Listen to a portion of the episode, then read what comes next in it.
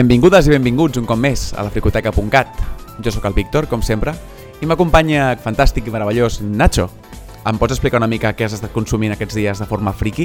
Doncs moltes coses. Després de tota la marató de, de Dragon Ball, eh, o Bola de Drac, disculpa, és que encara no m'he acostumat eh, a això, eh, que ho vam veure en idees diferents. Dragon Boru!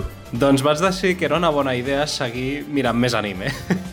I casualment van treure la última part de la sisena temporada de... o bueno, sisena part de Jojo, que he acabat justament avui i ha sigut una meravella.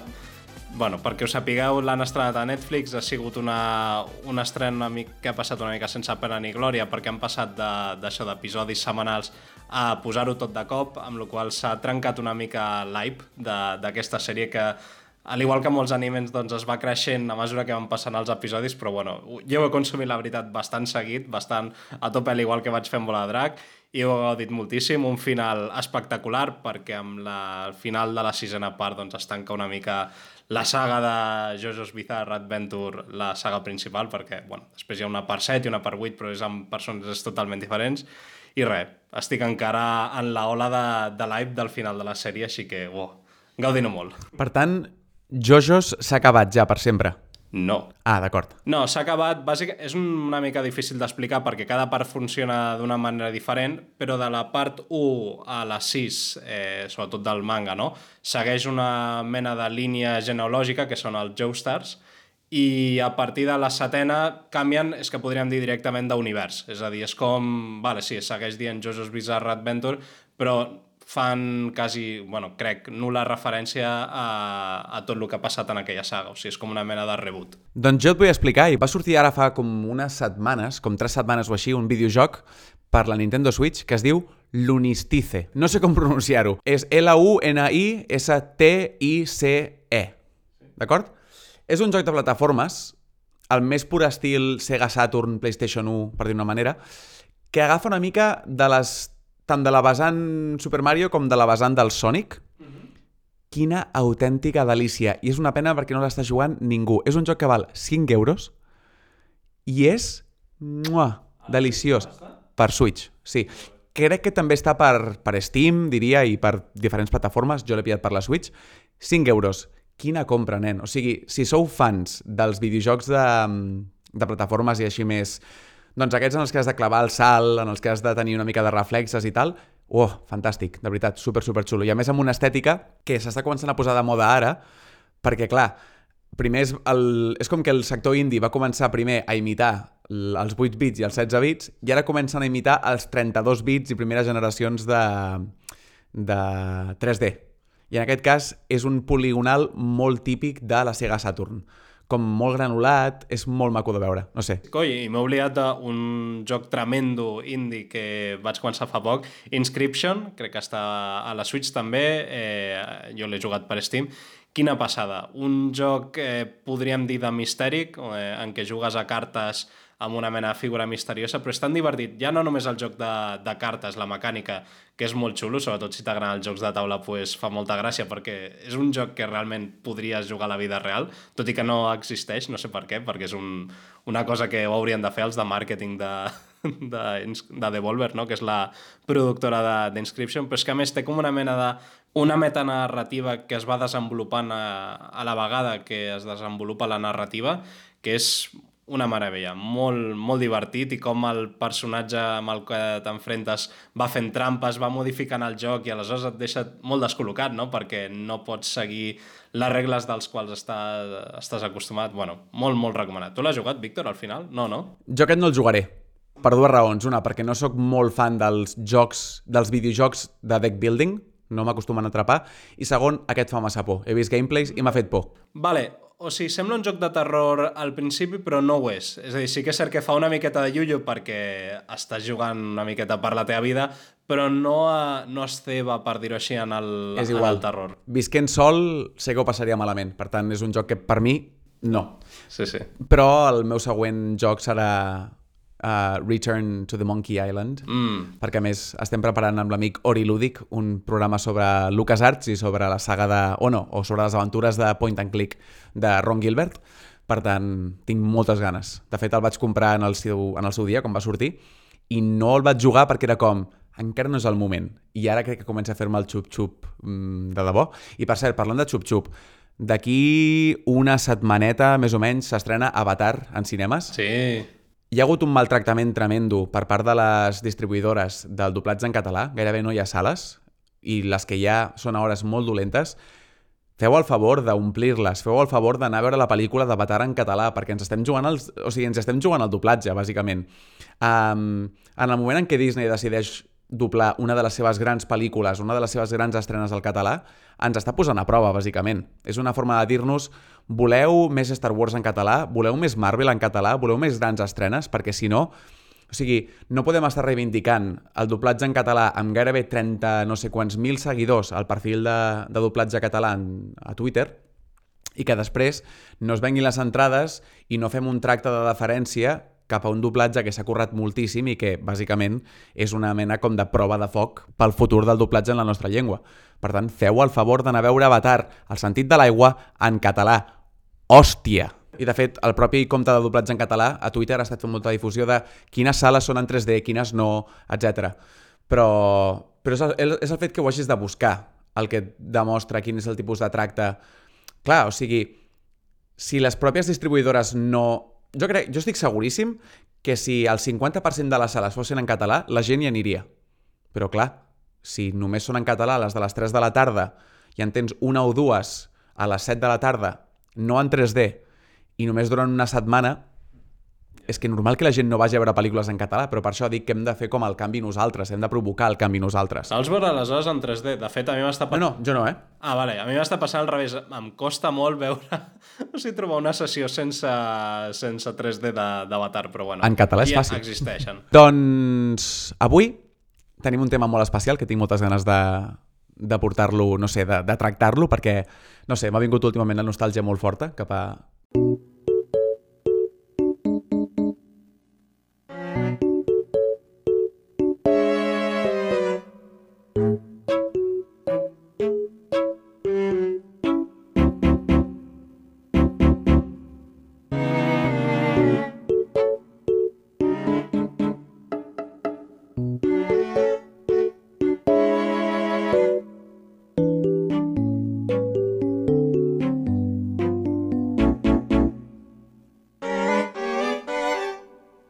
Nacho, últimament, el nostre podcast està molt reivindicatiu.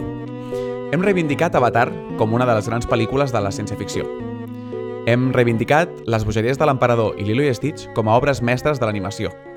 Hem reivindicat, o bueno, he reivindicat, però amb el teu permís i amb el, la teva benedicció, Jo m'hi negava, però... a la Rey Skywalker com una meravellosa protagonista i avui reivindiquem la Wii com una gran consola que va molt més enllà que el simple gimmick que la va fer popular. Primer de tot, Nacho, volia preguntar-te quina va ser la teva experiència inicial amb la Wii? Com va arribar fins a tu?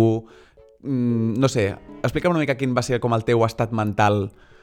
Sona fatal, això, però bueno, ja m'entens. Mira, a diferència d'altres consoles inicials com la Game Boy o la GameCube, una mica m'ho vaig trobar de cop, amb la Wii sí que va haver-hi, va haver per dir-ho així, el, Xup-xup. no? el xup-xup, doncs, durant, a més, bastants anys per lo que jo era, per ser un criu, no? doncs per mi em va semblar moltíssim temps, no?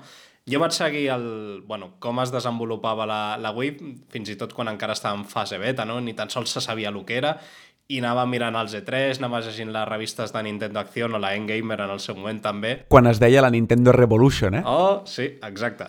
Era una pregunta al trivial. Oh, spoilers. Bueno, en fi, doncs això. Eh, I, bueno, evidentment la volia doncs, quan la van estrenar, que no sé si va ser al Nadal o al... Suposo que al Nadal, no? Ara no recordo l'any 2008, 7? 2006? Por ahí, exacte. Eh, I, evidentment, doncs, la vaig estrenar amb el joc per antonomàcia, que era el Wii Sports, del qual se li ha de dedicar un, un capítol a part, perquè crec que, honestament, tots hem començat jugant a la Wii amb aquest joc. És a dir, no se m'acuta no se m'acudeix ningú tan cafre capaç d'iniciar la Wii i no posar el Wii Sports primer i començar, jo que sé. I mira, et diré encara més. Això cobra encara més significat tenint en compte que el joc de llançament de la Wii va ser el, el Zelda eh, Twilight Princess. Hmm, sí, però no deixes... El Twilight Princess era com una mena... Bueno, és un, un port d'un joc que ja havia sortit a la GameCube. Però no? va sortir simultàniament. A és la a dir, Clar, clar. Pensava que havia o sigui, sortit abans el de la GameCube. O sigui, va ser el, el, el que en diuen un joc pont. Igual que el Breath of the Wild va sortir per la Wii U i per la Switch al mateix dia. Llavors, clar, moltíssima gent no el va comprar per GameCube. De fet, a GameCube és un joc molt car perquè no se'n van vendre moltes còpies. Què dius? Ostres, doncs jo he jugat...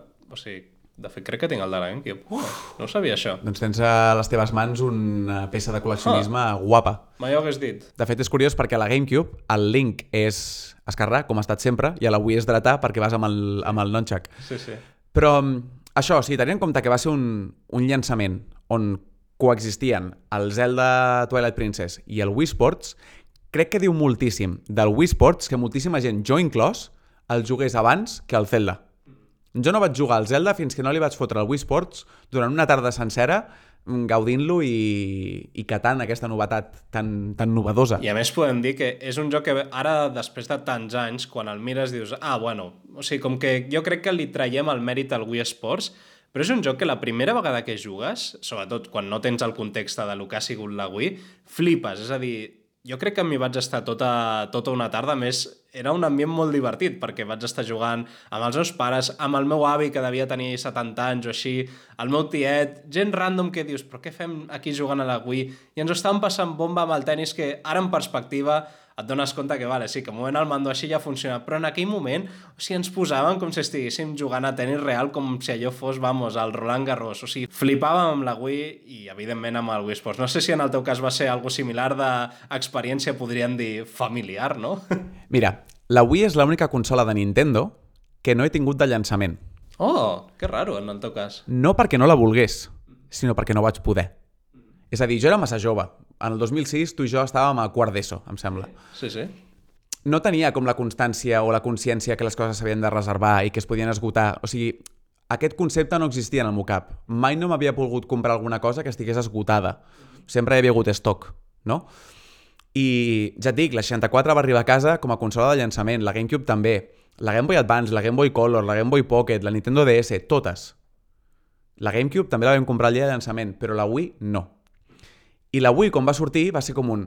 Aquesta consola, igual que tu, jo havia estat seguint els, el la Nintendo Acción tots els articles, tots els rumors, els E3, totes les fotografies que al principi era negra, després va acabar sent blanca, la Nintendo Revolution, el llançament o el desenvolupament del, del Zelda paral·lel, no? Estava obsessionat amb aquesta màquina, però no la vaig aconseguir. I durant tot aquell curs escolar em vaig voler una i no va haver-hi manera. Recordo perfectament que mons pares la van intentar comprar per Nadal, perquè, ah sí, ja me'n recordo, no la vaig tenir a llançament perquè mons pares em van dir la típica de espera't al Nadal i serà el vostre regal de conjunt de teu i ton germà, no? I quan va arribar Nadal, s'havien esgotat el dia de, de llançament. Al Nadal, òbviament, ja no en quedaven. I les revenien als típics mercats de, de puestos de, de Nadal pel doble o pel triple de preu. Demanaven 500 i 600 i 700 euros per la Wii, quan era una consola que va sortir per 250 euros al mercat, no? I no va ser fins a l'estiu que vaig poder agafar-ne una. I recordo, o sigui, l'obsessió de... Clar, tothom en tenia una, entre moltes cometes. La gent ja en parlava, ja havien jugat al Red Steel, ja havien jugat al Raving Rabbids, al Wii Sports, al Zelda... El Raving Rabbids. I jo és el, el primer i últim cop a la meva vida que he estat en el, en el tren en el bandwagon, que en diuen a, en anglès, d'una consola de Nintendo, de que tothom l'està gaudint al meu voltant i jo no puc perquè no hi ha estoc, no hi ha unitats. O sigui que sí, va ser com la primera... I com dius tu, el dia que la vaig obrir, el Wii Sports va ser el centre de la... o l'atracció principal. Jo no la vaig jugar amb uns pares el, aquell primer dia, vaig jugar-lo diria que amb el meu amic Òscar, si no m'equivoco. Però bé, va ser com... Ostres, la Wii i com dius tu, el joc era molt més rudimentari del que, del que ens pensàvem en el moment, però ho compensàvem rolejant nosaltres i gesticulant amb molta més... Eh, no sé... Era molt guai. Va ser un moment molt xulo per mi, de la història, de la història dels videojocs i de la meva història particular com a, com a videojugador, com a persona que els gaudeix. Era un concepte que volia parlar... Quan has parlat de, de que parlem de nostàlgia, no? És curiós, no? Han passat ja prou anys com perquè la Wii sigui ja un tema nostàlgic. I és un concepte que em fa molta gràcia i a la vegada li tinc com molt de carinyo, no? Perquè fins fa poc, doncs, la Wii, bueno, sí, era una cosa que havia sortit fa, fa uns anys, però no, se li, no la miràvem amb, amb interès, no era simplement, ah, bueno, sí, va sortir la Wii, no? I ara Pensa una cosa, la Wii, la, la Wii, la Wii és avui Mm -hmm. més gran del que érem tu i jo quan va sortir. Mm? Teníem 16 anys quan va sortir la Wii. No, teníem 14 anys, perdona, quan va sortir la Wii, el 2006. 14 anys. I la Wii té 17 anys ara mateix. Imagina't. Doncs això, és com molt xulo veure ara, jo que sé, vídeos del Wii Sports, del Mi Channel, de, fins i tot de la pròpia Wii en si, i dir, ostres, quina nostàlgia tan forta m'està entrant de, de veure això, no? És com una mena de càpsula del passat que suposo que molta gent eh, més gran que nosaltres, no? Deu, deu tenir quan veu la PlayStation 2 o, o la 64, no? Doncs jo crec que amb la nostra generació, els que rondem els 30, quan veiem la Wii, ara és com que ens comença a agafar aquesta mena de tilín d'una consola que en el seu moment doncs, semblava el més novedós del món. No, no sé, és, és com bastant xulo, no? Eh, doncs això, i fins i tot aquesta mena de subcultura que s'està creant no? a base de recuperar la Wii no? com algo graciós amb els memes i tal, bueno, no sé, és, és bueno, un aspecte curiós, sí. Saps per què trobo que és tan nostàlgica ara mateix? De la mateixa manera que veus la GameCube com aquesta consola que va ser la última abans que l'internet fos mainstream, o abans que el joc online fos mainstream, uh, la Wii és la primera consola, és la última consola, perdona, abans de la febre dels smartphones. Sí, La Wii surt el 2006 i l'iPhone, que és el que popularitza tot el que és el, el smartphone actual i els videojocs casuals i tal, la Wii surt just abans, un any abans. Llavors, és com que la Wii va ser la primera en crear aquesta mena com de comunitat de joc casual que avui en dia és tan popular en coses tipus Candy Crush o, o jo que sé, qualsevol joc d'aquests més, més casuals, no? I crec que és per això, perquè va sortir en un moment aquestes coses del, de la vida que si hagués sortit abans no hagués funcionat, si hagués sortit després hagués sigut un fracàs perquè un cop els smartphones ja estaven completament normalitzats, la Wii era irrelevant, irrellevant, perdona, era molt irrellevant, però ju surt just abans, quan la gent encara no té aquest tipus de telèfon ni aquest tipus de joc, juntament amb, amb la Nintendo DS, van aconseguir fer aquesta mena com de sinergia de unir el casual amb el friquisme, perquè moltes vegades es parla de la Wii com una consola casual. No ho negaré, però també és una consola molt friki. I la DS també, crec jo. Són jocs on, on la cultura japonesa i on el, la forma de fer japonesa es porten molt cap a Occident i això les fa molt friquis, molt més que una Play 2, molt més que una GameCube, molt més que una Wii U, crec jo, eh? No ho sé. Sí, de fet, només la- l'aspecte principal de, de la selecció de canals, no? com si fos una mena de televisor, el Mi Channel no? i tot el concepte de creació de Mis que, bueno, o sigui, en, en realitat és un editor bastant, bastant estrany, no? És a dir, les formes de les cares i dels nassos i de tot això és molt, molt original, no? I molt a la japonesa, no? Com dius tu. Em fa gràcia el que has dit ara de, de que va sortir en el moment ideal perquè et dones compte amb la Wii U que al final clar, va sortir en un moment on ja les tablets i els iPads ja existien, no? amb la qual quan va sortir al mercat va ser en plan, vale, sí, és una Nintendo amb una tablet, però, ostres, l'iPad ja ha sortit fa uns, eh, uns anys, no? No ha sigut tan, tan bomba, no? Amb la qual és molt cert que va aparèixer en el moment ideal, sí, sí. I quin disseny, eh, el del, el del comandament, perquè parlem de coses estranyes, realment és un, un comandament molt, molt estrafalari, és a dir, de fet, es nota que Nintendo, bueno, ha anat canviant al llarg dels anys i s'ha anat com normalitzant una mica perquè és molt caòtic el disseny, és a dir, tu el veus ara i sembla com una mena de, de comandament fake de, de vídeos d'aquests de YouTube antic de l'any 2000, no?, que t'ensenyaven futures consoles i veus això i dius, ostres, un, un comandament de televisió i amb una mena de joystick, què és això, no? Jo no en sé de disseny industrial, no en tinc ni idea, però trobo que la Wii és un producte preciós.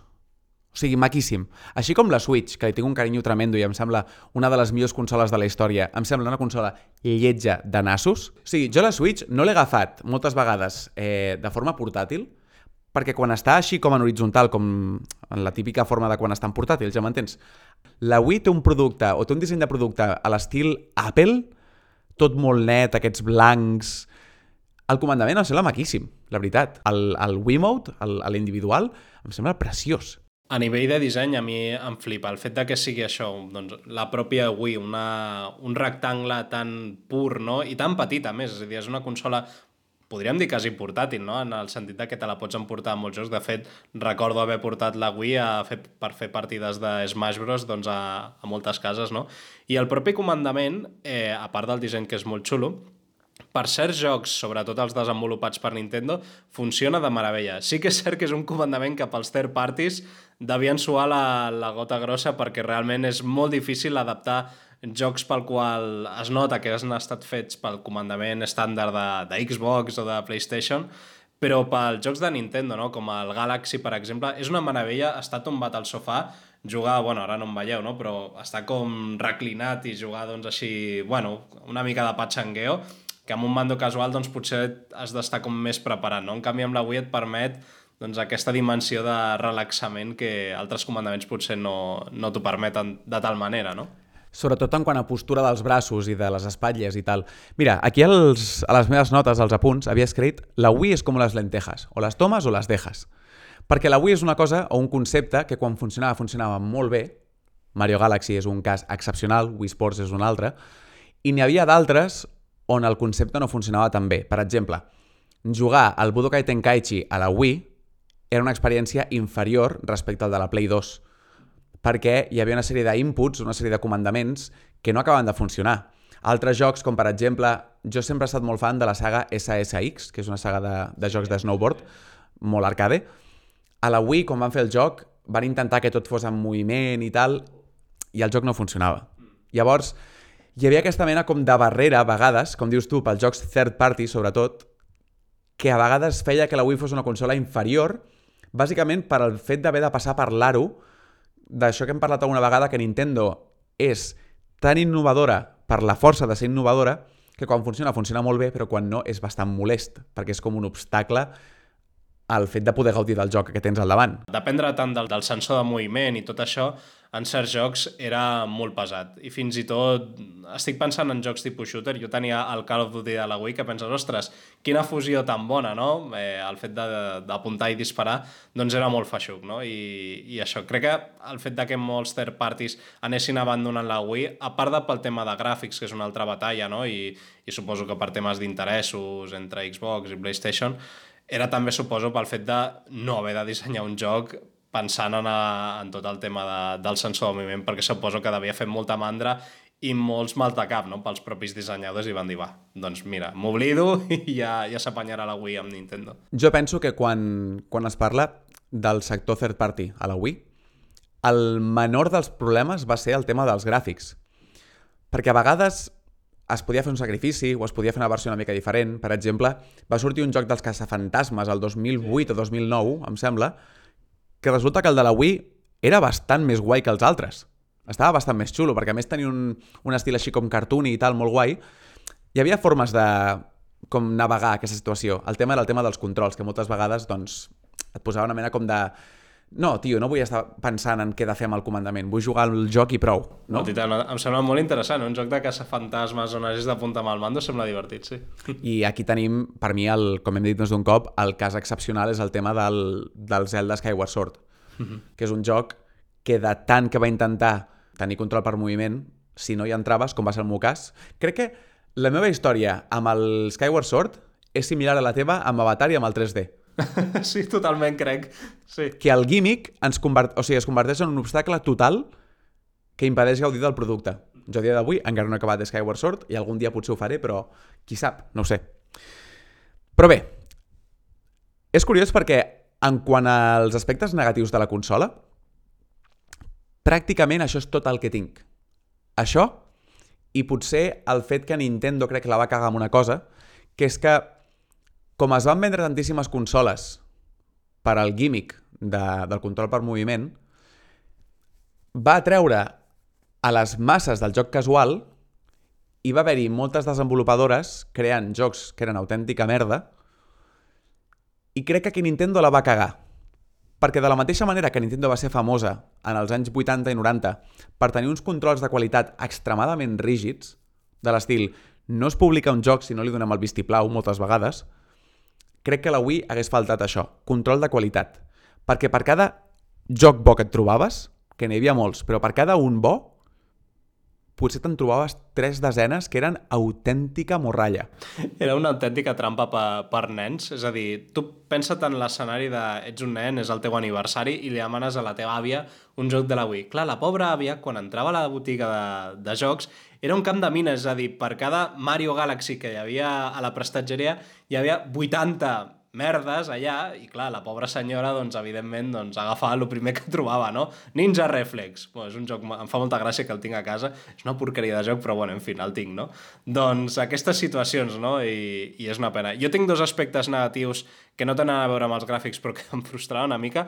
Un és, per què no van incloure un reproductor de DVD a la Wii? És un tema que bàsicament m'hagués agradat que sigut una consola tot en uno i en aquella època, ara parlem de DVDs com si fos una cosa molt rara, però, però sí, ostres, m'hagués fet il·lusió tenir... No mai ho vaig arribar a entendre, no sé si tens alguna explicació tu per aquí. Nintendo va cometre aquest error amb la GameCube ja. Perquè si la GameCube hagués tingut reproductor de DVDs, la Play 2 s'hagués menjat els mocs de mala manera. Estic seguríssim, o sigui, és un, una mena com de teoria que tinc al cap. No sé per què. Nintendo es va centrar en aquestes coses de no, no, som una empresa de videojocs, una d'aquestes cagades que fan a vegades. No. Però és estrany, perquè la Wii és una consola molt todo en uno, és a dir, si pares a pensar és una consola que en el seu moment tenia, eh, podies adjuntar USBs, podies veure imatges, no sé si fins i tot vídeo, podies navegar per internet, que dius, what? Eh, és a dir, és una consola que en, pel seu moment era com molt compacta, no? I mai vaig arribar a entendre. I l'altra cosa és... Suposo que també per un tema de por a la pirateria. Sí, però, bueno, sí, no sé. No ens oblidem que Nintendo és una de les poques companyies, o la única, de fet, companyia de videojocs que a part de fer benefici pel hardware, fa benefici pel software. Per tant, per això Nintendo sempre ha estat la primera en quant a paranoia de pirateria, perquè per cada consola fan el doble o el triple benefici en tema de software, suposo. Ja, ja, no sí, sí, segurament. I l'altra cosa és el tema de l'internet. No sé si és un tema... Dubto que sigui de la meva connexió, però tots els jocs que depenien d'internet a la Wii funcionen molt malament. I fins i tot la pròpia, el propi canal de, de descàrrega de jocs, la Wii Shop Channel, era lentíssim. I, I segueixo repetint, no crec que fos la meva connexió, no sé si era el teu cas, però l'Smash Bros. Brawl és una llàstima perquè l'internet va molt malament i altres jocs online que tenia, no sé, és una consola que no sé per què el tema de l'internet se li va resistir moltíssim. M'agradaria parlar d'un dels temes que a mi em provoca més nostàlgia amb aquesta màquina.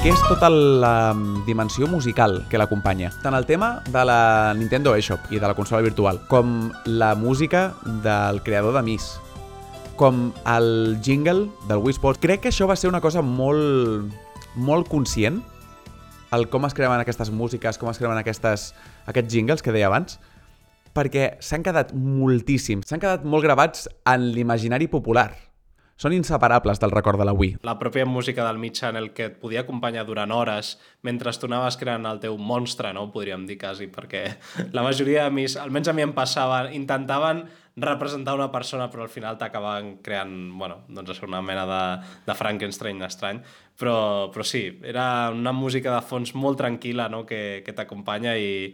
Mentre parlem de coses així maques de la Wii, L'altre dia vaig preguntar per Twitter una mica per les vostres experiències, eh, què pensàveu de la consola, què us semblava, quin record teníeu, quines anècdotes recordàveu així especialment o amb, o amb més carinyo. L'amic astronauta retro em va dir, mira que no vaig tenir la Wii al moment i tampoc no sóc gran fan, no en sóc un gran fan com puc ser-ho de la 64 o de la GameCube. Però és innegable que va ser un èxit rotund, sobretot veient com va costar el sector del videojoc al públic que en sa vida hagués tocat un joc típic, entre cometes, ni de lluny. Aquest sentit trobo que és una cosa que moltes vegades s'ha fet servir la paraula casual com a, no sé, com a despectiu per la Wii. I trobo que és una de les grans virtuts. El com va fer que el videojoc fos una cosa molt més internacional, va trencar barreres d'edats, de gènere, de classes socials, no sé, era com que la Wii era la joguina de tothom, no? És espectacular. Jo, el fet de veure el que deien del meu avi o, o fins i tot la figura del meu tiet, que és el típic senyor manchego de, de bueno, el seu moment que devia tenir 40 i pico, no? doncs això, que el tio s'arribés a comprar una Wii i jugués a jocs de la Wii com conscientment, o sigui, a mi em, em va trencar el cap, és a dir, és una cosa que va trencar totalment esquemes del que significava ser un jugador de videoconsola. A partir d'aquell moment, qualsevol persona podia ser un jugador, i de fet es noten els anuncis, no? Jo recordo en aquella època, potser era més amb la DS, on tant saben, jo què sé, la, la típica senyora cinquentona, no?, eh, sentada al llit, doncs jugant a la DS o a la Wii, no sé, és molt graciós que en aquella època s'arribés a fer universal, no?, el fet de poder ser jugador. És una pena, jo crec que això ho hem perdut una mica, no? Ara quan veus anuncis de consoles en general, ara tornem a estar o molt centrat en nens o en els típics adolescents així, gamers a tope, Fortnite, Mountain Dew, sí, Doritos. Sí. Bueno, era una mica com la de... Ara tu ets gamer, tu també ets gamer, tothom és gamer, la teva àvia és gamer. I era com aquesta sensació de... Que, de fet, per això també entenc moltes vegades la visió més negativa, perquè quan els friquis a vegades una cosa es fa, es fa mainstream, de sobte és com que ens tornem sobreprotectors amb allò que ens, ens pertanyia abans, no? Però bé, ha passat amb Star Wars, ha passat amb l'anime... José Ramos ens diu La vaig comprar el primer dia de sortida, juntament amb el Zelda i el Rabbids. Per mi va ser una gran decepció quan vaig veure que el control per moviment es resumia en sacsejar una maraca i que es perdia la precisió dels botons. Em quedo amb Zack and Wiki i Tatsunoko vs Capcom. Hòstia, Zack and Wiki, quin joc. Algun dia, no sé si farà algun programa aquest perquè és molt concret. Has jugat alguna vegada? Aquí el tens. El Víctor s'acaba de treure el Zack and Wiki aquí de, de la xistera una mica. Si ho dius, s'acaba de treure, ha sonat una mica malament. Se l'ha tret així del pantaló, el, pa, el Zack and Wiki. Zack and Wiki, un joc de puzzles meravellós que vaig jugar per recomanació teva. I sí, sí, deliciós. Una, una fantàstica joia de, de la Wii i una de les, de les que molta gent no ha jugat. I és una pena, perquè és un molt bon joc. Molt xulo. Joc així amb ambientació pirata. Oh, és que l'estic veient aquí davant i em donen ganes de jugar, eh? Que guai. Sim Sirena Mallorquina ens diu Super Mario Galaxy i cor. Me la vaig comprar de segona mà al cap d'uns anys i la vaig gaudir sense estrès. Aquesta persona, un tal Sergi Plaza, amb un comentari una mica hater, que diu La consola més casual de la història. La primera Nintendo de sobretaula que no vaig comprar des de la NES. Consola enfocada a gent a la que no agraden les consoles. Clar, bueno, és una mica el que deies abans de la postura de, de sí, que la Nintendo va obrir molt al món a tothom, no? I potser, doncs, a certa gent, doncs... Però enfocada a gent que no agraden les consoles em sembla una fal·làcia com una casa, la veritat. Sí, bueno, suposo que deu ser la típica postura... Sí que és cert que hi havia gent que abans veien els videojocs com algú dolent, no? O, bueno, com alguna mena de cosa fric i tal, i de cop els veies jugant a la Wii en plan, hòstia, una mica hipòcrita, no? Això sí que és cert que hi havia certa gent, no dic tothom, no? però penso sobretot amb gent que havia estat com molt en contra de, dels videojocs perquè representen la violència, no? el, el típic pensament superconservador i tal, i que després compraven una Wii, bueno, vale, sí, però crec que era una minoria. Aviam, alguna comentari més per aquí... Tu, tu, tu. Ah, mira, un tal eh, Tobushi, que no sé com, com es diu a la vida real, diu se la van regalar al meu sogre en un casament perquè al Japó els convidats reben regals. Va estar dins d'una capsa un any sense obrir fins que me la vaig quedar per la patilla. I un tal Josep li diu, per fer-li un favor, clar. I després tinc un missatge que també em va enviar un segon, per aquí, per aquí, per aquí, per aquí... Tu, tu, tu, tu, tu. Cesc, amb el que hem col·laborat més d'un cop a la cova d'en Kenobi i a la cantina dels Kuwakians, i vindrà un dia a fer un programa sobre, sobre Terry Pratchett, ja que tu no llegeixes els putos llibres, Nacho. Uh, diu, um, amb la meva família va ser tota una revolució. Guinyo, guinyo. La tenia el meu cosí i sols amb el Wii Sports vam jugar hores i hores, sobretot al golf. Després, amb els Just Dance, fins i tot les àvies hi jugaven. Jo la vaig tenir quan ja hi havia la Wii U i vaig poder jugar als jocs que no havia pogut provar abans. I diu, tenia un Wiimote en forma de tornavell sònic del Doctor Who. que guai. Buah, m'acabo de recordar una cosa molt, molt xula que em va passar. Jo vaig tornar a jugar molt fort a la Wii eh, durant la pandèmia. Ara ho recordo. Va ser un moment això on ens van quedar tots tancats. Què tenia per casa? Doncs tenia la Wii. I, i això, i ens vam posar a fer partides, però d'allò que, clar, no teníem res a fer. Doncs a passar la tarda com si tornés a, tornéssim a ser, doncs això, nens o adolescents, va ser una, no sé, una experiència molt xula que ara m'ha vingut un flash molt fort perquè, per desgràcia, desgràcia, doncs l'època del Covid és com una època que crec que molta gent la tenim com anul·lada, en plan, bueno, sí, va passar, però ens hem com oblidat. Ostres, i m'acaba venir un flash d'aquesta situació, així que, no sé, una cosa divertida, eh? Tornar a recuperar una consola molts anys després i dedicar-li temps, no a encendre-la una vegada, sinó a estar-hi potser setmanes, quina experiència més estranya, però a la vegada xula, eh? O sigui, bo. Que guai. El company director frustrat, que últimament ens està dient coses molt maques per Twitter, diu Bones, tenia la Wii reservada en una botiga el dia que va sortir, però estava en llista d'espera per falta d'unitats. Em van trucar per dir-me que tenia una lliure, però l'havia de recollir aquella mateixa tarda o passaven el següent de la llista i tancaven en uns 30 minuts. Jo estava aproximadament a 40-45 minuts en cotxe, però com us podeu imaginar vaig acabar arribant i recollir-la. Va valdre la pena per les hores de diversió que vam donar. I l'últim comentari que tinc per aquí, uh, crec que en tenia un altre del company... On ho tinc? Aquí. Del... Aviam... Ah, sí, del Toni Ramírez, que té el compte de 3 botons i start, un compte de joc retro molt xulo. Diu, aquest és llarg, eh? Jo la Wii la vaig comprar... Jo la Wii no la vaig comprar quan va sortir, però sí que era conscient que costava de trobar. L'any 2008, concretament, al febrer, vaig decidir que me la compraria i l'estoc no s'havia acabat de recuperar de la campanya de Nadal. De manera que només en vaig trobar una en estoc. La web de la botiga indicava que n'hi havia més, per sort, no se'n va avançar ningú. Al principi va jugar al Wii Sports, com suposo que tothom, però com que sóc un jugador més tradicional aviat, va quedar relegat i em vaig dedicar a comprar altres jocs. El més esperat per mi va ser el Mario Kart Wii. El, la considero un èxit,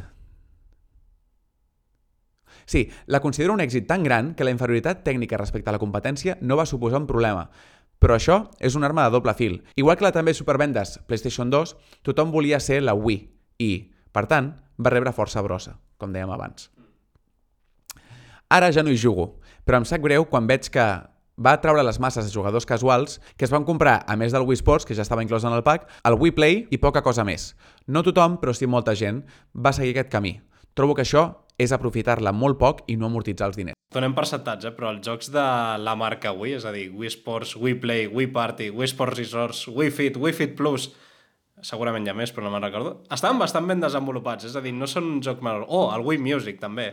Eh, bueno, en fi, que és una saga, una saga estranya, es podria dir que és una saga, no? Realment la saga Wii. De fet, ho vam parlar quan parla de rànquing de sèries de Nintendo, era una independent. Poc es parla de quan van presentar el Wii Music en l'E3. Aquell vídeo em dona tanta vergonya aliena. Per una part és cookie, perquè està aquesta època de Nintendo super estranya que no sabien ni què feien en quant a relacions públiques, però veus el vídeo del Miyamoto i tres panolis més fent que veure que toquen un instrument amb el Wiimote a davant de l'escenari, davant de moltíssima gent i dius, mare meva, mare meva. O sigui, de veritat, eh? és un vídeo que és incòmode de veure de la M'agrada molt perquè això en anglès... Saps com es diu vergonya aliena en anglès? Eh, com es diu? En diuen vergonya de segona mà. I també en diuen vergonya espanyola.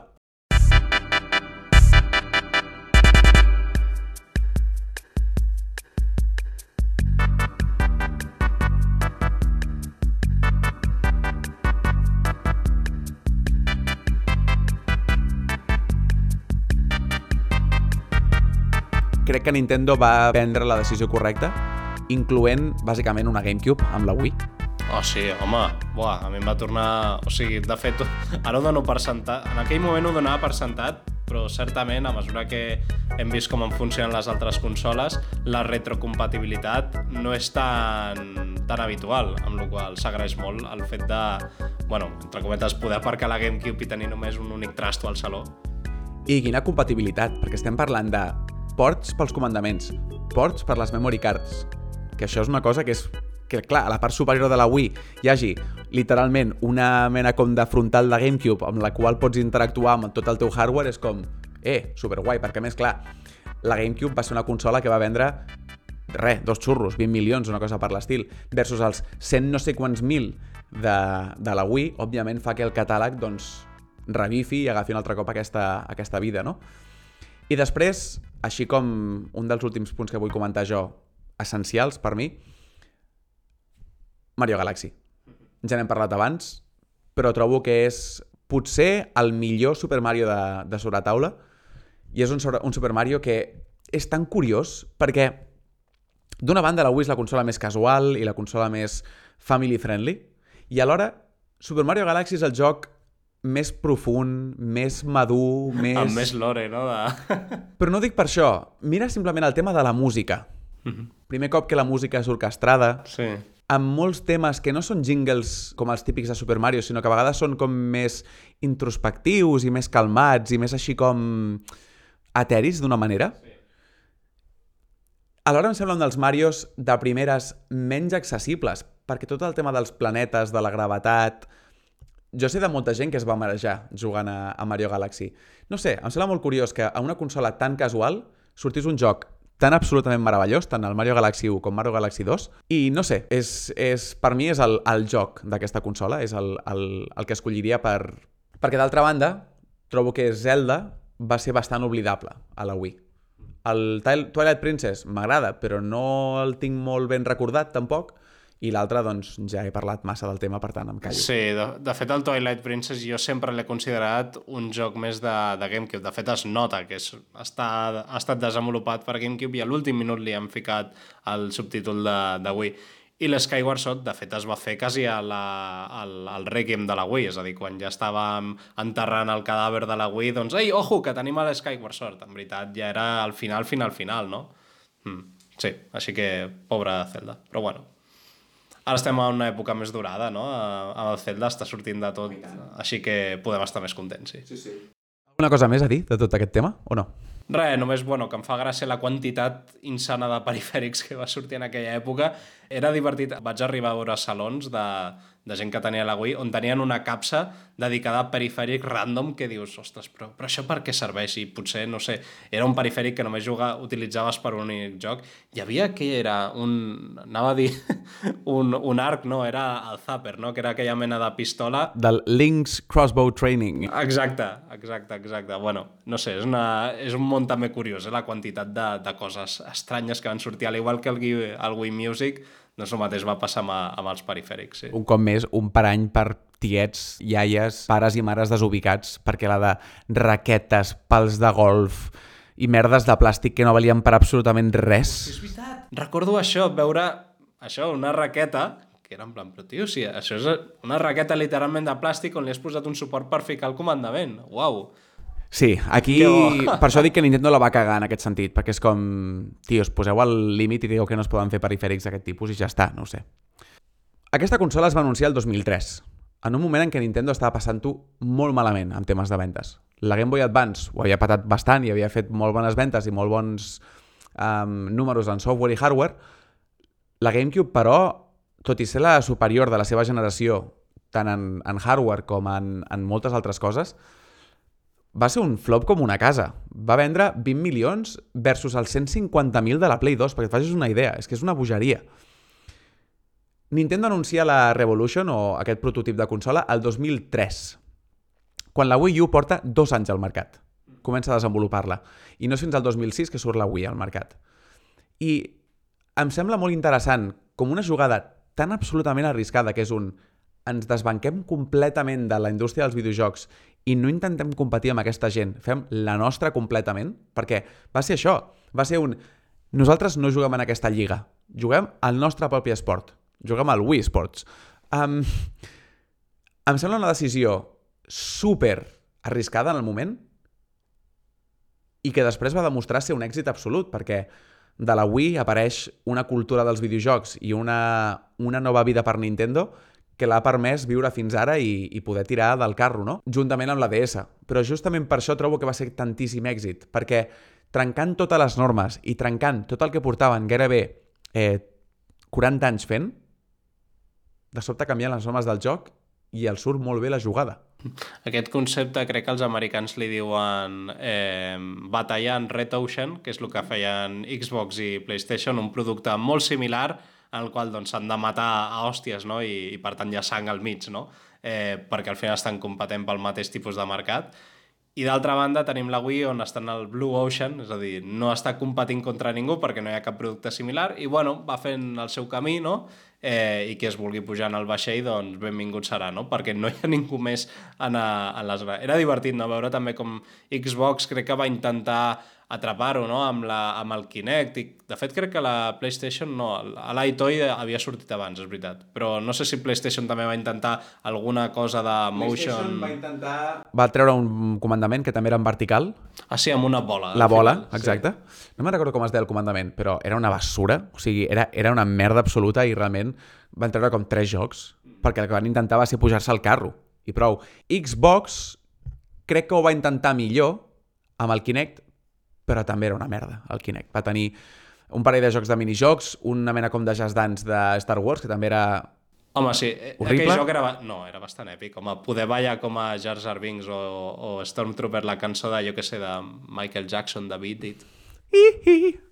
Um, sí, pot ser, però, però bé, el tema és que Nintendo com a mínim, està clar que són una empresa i volien fer calés, però Nintendo com a mínim tenia una visió al darrere de la Wii. I això trobo que és molt important. No era un gimmick, era una visió que altres companyies van convertir en un gimmick, em sembla a mi. Mentre que PlayStation i Xbox simplement era com un volem vendre això i volem agafar part d'aquest pastís. I va ser això i prou, em sembla a mi. Per tant, no sé, així com a dia d'avui trobo que va ser un gran encert, plena de moments increïbles, i vaig jugar moltíssim més que les altres dues de la generació, moltíssimes més hores. Clar que doncs, tenies coses tipus l'Smash i el Mario Kart, no? però infinites més hores que les altres dues. Sí, sí, res, una consola molt gaudible i res, curiós pensar en el que deies tu en el tema de la unitat, no? és a dir, és una consola que es nota que va ser pensada des de l'inici i potser va posar un estàndard tan alt per Nintendo que fa una mica de por, no? perquè dona la sensació que cada nova generació que va passant han d'obligar-se no? a, a innovar i a pensar en una mena de visió eh, bueno, totalment trencadora, no? que en certs moments jo crec que ho han aconseguit, no amb la Switch, jo crec que és un concepte molt xulo, però clar, fa por no? pensar en, ostres, ara quan treguin la nova consola, quina bogeria faran, no? Potser ho encerten i fan una cosa espectacular, però potser no, no? I és, és l'únic que, que em preocupa, no? De, de la, aquesta mena de, de camí que ha marcat la Wii, que ha sigut molt guai, no? perquè és una consola totalment perfecta, no? Eh, però sí, eh, ha creat un nivell d'exigència alt. A mi em preocupa poc perquè sigui com sigui la consola, els jocs propis de Nintendo acostumen a estar a l'alçada. Ah, sí, això segur. Per tant, això em té més o menys indiferent, perquè al final la Nintendo la comprem pels jocs de Nintendo. Doncs... Has dit que tenies un trivia Ring, preparat? ring, ring, ring. Trivial time. Sí. Trivial, trivial. Has anunciat el trivial amb la típica tonteria o típica broma com de dad joke que haguessin fet per un anunci de la Wii total. Doncs sí, it's trivial time. La primera pregunta em fa molta pena perquè l'hem dit ja 40 vegades, però bueno, per si de cas, per si no us heu enterat, quin era el nom en clau de la Wii? Oh, doncs tinc quatre opcions, però no sé si dir-les, perquè tinc aquí Nintendo Dolphin, ah, Que és, és la GameCube? exacte, Nintendo Revolution, em rasco el cap, aquí no miro a ningú, eh, Nintendo Motion i Nintendo PlayStation Box. Et faré jo una pregunta a tu. O sigui, òbviament la resposta és la Revolution. Com es deia la Nintendo Switch com a projecte, eh, el projecte en clau? Ah, colla, aquesta me la sabia, però ara ja no. Eh, eh, Wii U, U2? No, es deia NX. N... Ah, sí, és veritat, és veritat, sí, sí. I saps com es deia la Wii U com a projecte en clau? No, Project Café. tens raó. Ara, un cop m'has dit, és veritat. Xaval, i em volies pillar aquí. Sí, sí. Vale, vale, doncs pues no t'he pogut pillar. Continuï. En aquesta jo crec que potser sí que et pillo, no sé que siguis molt, molt friqui. Soc molt, molt friqui. No sé si te'n recordes quan rebies un missatge, perquè a part d'això la Wii tenia un sistema de missatgeria, what? Doncs pues sí, ho tenia, eh, sortia una llum blava parpadejant.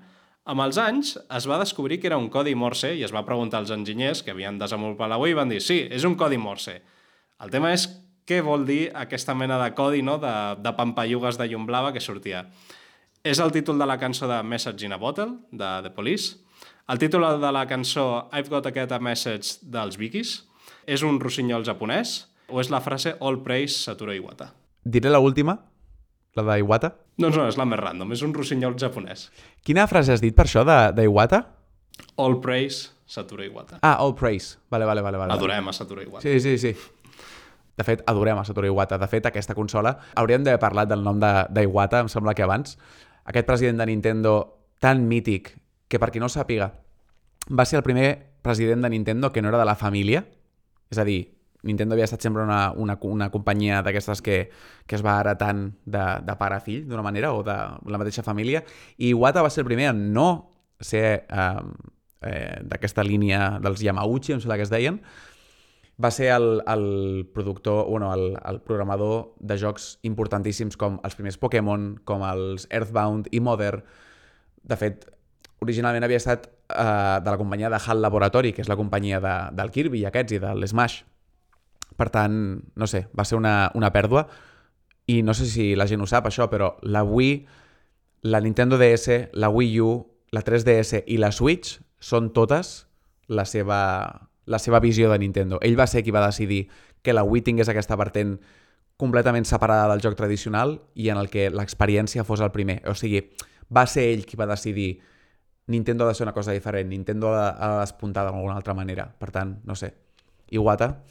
I per cert, una recomanació a part, hi ha un llibre molt xulo que es diu Ask Iwata, que és un, jo, un llibre així com de, com de vinyetes i de una mica com mig biogràfic de, de la seva vida, que si teniu una mica de curiositat pel joc, pel món del videojoc i de Nintendo, de veritat, és una autèntica joieta. Ask Iwata. És fàcil trobar-lo en PDF per, per internet. Molt bé. Eh, seguim. Un tema curiós, el tema de les patents. Interessantíssim, molt divertit. Però bueno, a mi em fa gràcia. Clar, evidentment, amb tot el tema de, del joc de, de control, del motion i tot això, hi ha un, aquí un liu de patents brutals no? per saber qui ho va inventar abans, si Nintendo o altres companyies. Hi ha diverses companyies que, que certament havien patentat aquest concepte, però perquè crec que antigament eh, es patentava doncs, a xurro, no? a, a saco, sense tenir cap mena de filtre, i van intentar denunciar Nintendo per la patent, no van guanyar, però bueno. Aquestes són, bueno, no, només és una de la- d'aquestes quatre que he seleccionat. Quina d'aquestes companyies va denunciar a Nintendo? LG, Philips, Sony o Pizza Hut? Philips? Sí, correcte, Philips. Em sonava, sí. Sí, sí, molt bé. Doncs, sí, sí, per algun concepte suposo que dels seus DVDs i tal, doncs ho tenien patentat i va intentar treure tajada. Molt bé, i la última, eh, bueno, que hem parlat molt de la Wii, potser no tant de jocs, o sigui, una miqueta. Quin va ser el joc més venut de la Wii? Tenim el Wii Sports, el New Super Mario Bros. de la Wii, el Mario Kart o el Mario Galaxy. Ostres, és que al Japó el Wii Sports no venia amb la Wii. Per tant, aquí hi ha trampa. Mario Kart. És el Wii Sports, eh, però sí, jo crec que en els números deuen haver posat que eh, deuen estar sumant totes les unitats venudes a conseqüència de Wii, perquè a mi tampoc em quadra molt. Si, en veritat, de, crec que d'aquests jocs l'únic que no formava part d'un pack era el, el Mario Galaxy, crec que mai van treure cap pack, perquè del Mario Kart sí que jo recordo haver vist una mena de pack, no? Sí, sí, oi tant, oi tant. I del New Super Mario Bros. també. Així que, però sí que és cert que tens raó que el Wii Sports es va vendre per separat i dintre dels rànquings el posen com la, el que va vendre més milions de, de milions. Crec que 35 milions o així, una cosa així. Una borrada, eh? Que clar, si la Wii va vendre 170 potser té sentit de que no en tots els països es va posar unificat, no? És que mira, perquè et facis una idea, quan es parla de... Quan et dic que això que, que Nintendo compta tantíssim amb les ventes de, de software, vaig a buscar directament, vaig a buscar els jocs més venuts de la història. Bueno, et sortirà algun de la Play 2. Segur, algun GTA, algun Skyrim, suposo. Mira, he entrat a un... He entrat a un article de IGN que es diu els 10 videojocs que més han venut de la història. En el número 10 tenim Red Dead Redemption 2, 46 milions. O sigui, després tenim Pokémon Generació 1, 47 milions. Super Mario Bros., el joc original, el de la NES, 48 milions. Això estem parlant, la NES va vendre uns 60 milions, per tant, pràcticament per cada NES venuda hi havia un Super Mario Bros. també venut. Overwatch, 50 milions. Mario Kart 8 Deluxe de la Switch, 56 milions. Clar, una consola que tens 100 i pico milions de consoles és fàcil vendre aquests números, no? PUBG, ah sí, que és l'alternativa ah, d'allò, 75 milions. Wii Sports, 82,9 milions. Quasi 83 milions de consoles venudes, ai, de, de jocs venuts. Després tenim Grand Theft Auto 5, amb 170 milions. Però clar, no comparis. Grand Theft Auto 5 ha estat a tres consoles diferents. Sí, a més estem en edició aniversari. Suposo, no sé si surt Skyrim al següent, perquè Skyrim ha tingut... Uf, està per tot, totes les consoles. Després tenim Minecraft, 238 milions. Una altra lliga. I, per últim, tens Tetris. Ah, what? Per tant? Bueno, Ah, no, perquè han tret mil milions de clar, versions. és Tetris en totes les versions, que són 520 milions, però clar, estan agafant tots els Tetris junts. Òbviament, així no funciona. I s'hauria de veure el tema del Minecraft, s'hauria de veure el tema també del PUBG, perquè són jocs que moltes vegades han, han tingut descàrregues gratuïtes i tal, no? Però, hòstia, clar, mmm, 82 milions de Wii Sports. Són moltíssima penya, eh? O sigui, és Espanya dos veces. Para que t'hagas una idea. Eh, tots. Quin país té 80 milions d'habitants? França? Potser? Sí, o- i- No sí. idea. Alemany? No, té més pinta a França, no? Però tota França juguen a Wii Sports. Le oui. Alguna pregunta més en el Trivial? No, però tinc un xist. Oh, he tornat a recuperar el xist de l'Iñaki. Mare de Déu! Quin és el joc preferit... No, ah, he començat malament, que trist. Quina és la consola preferida dels porcs? La... Perdoneu. Eh... Sí, com sigui. Um, això ha estat tot per avui. Com sempre, si voleu, ens podeu seguir per Twitter a la barra baixa fricoteca. Sembla, sembla que de moment Twitter segueix amb, amb peu, no, no ho sé. Um, D'aquí poquet vindran cosetes. Uh, segurament la setmana vinent faré un podcast dels meus en singular, en singular en, en bueno, individualment. Després estem preparant també un programa sobre Evangelion, Tan, tan, tan, tan, que el Nacho tenia unes ganes tremendes. tan, tan. I què més tenim així com en el d'allò? Bueno, ja ho anireu veient. Que total això mai ha sigut gaire seriós. Proveirà. Exacte. Sí, com sigui, jo he estat el Víctor, com sempre, Nacho. i això ha estat lafricoteca.cat. A reveure. A reveure!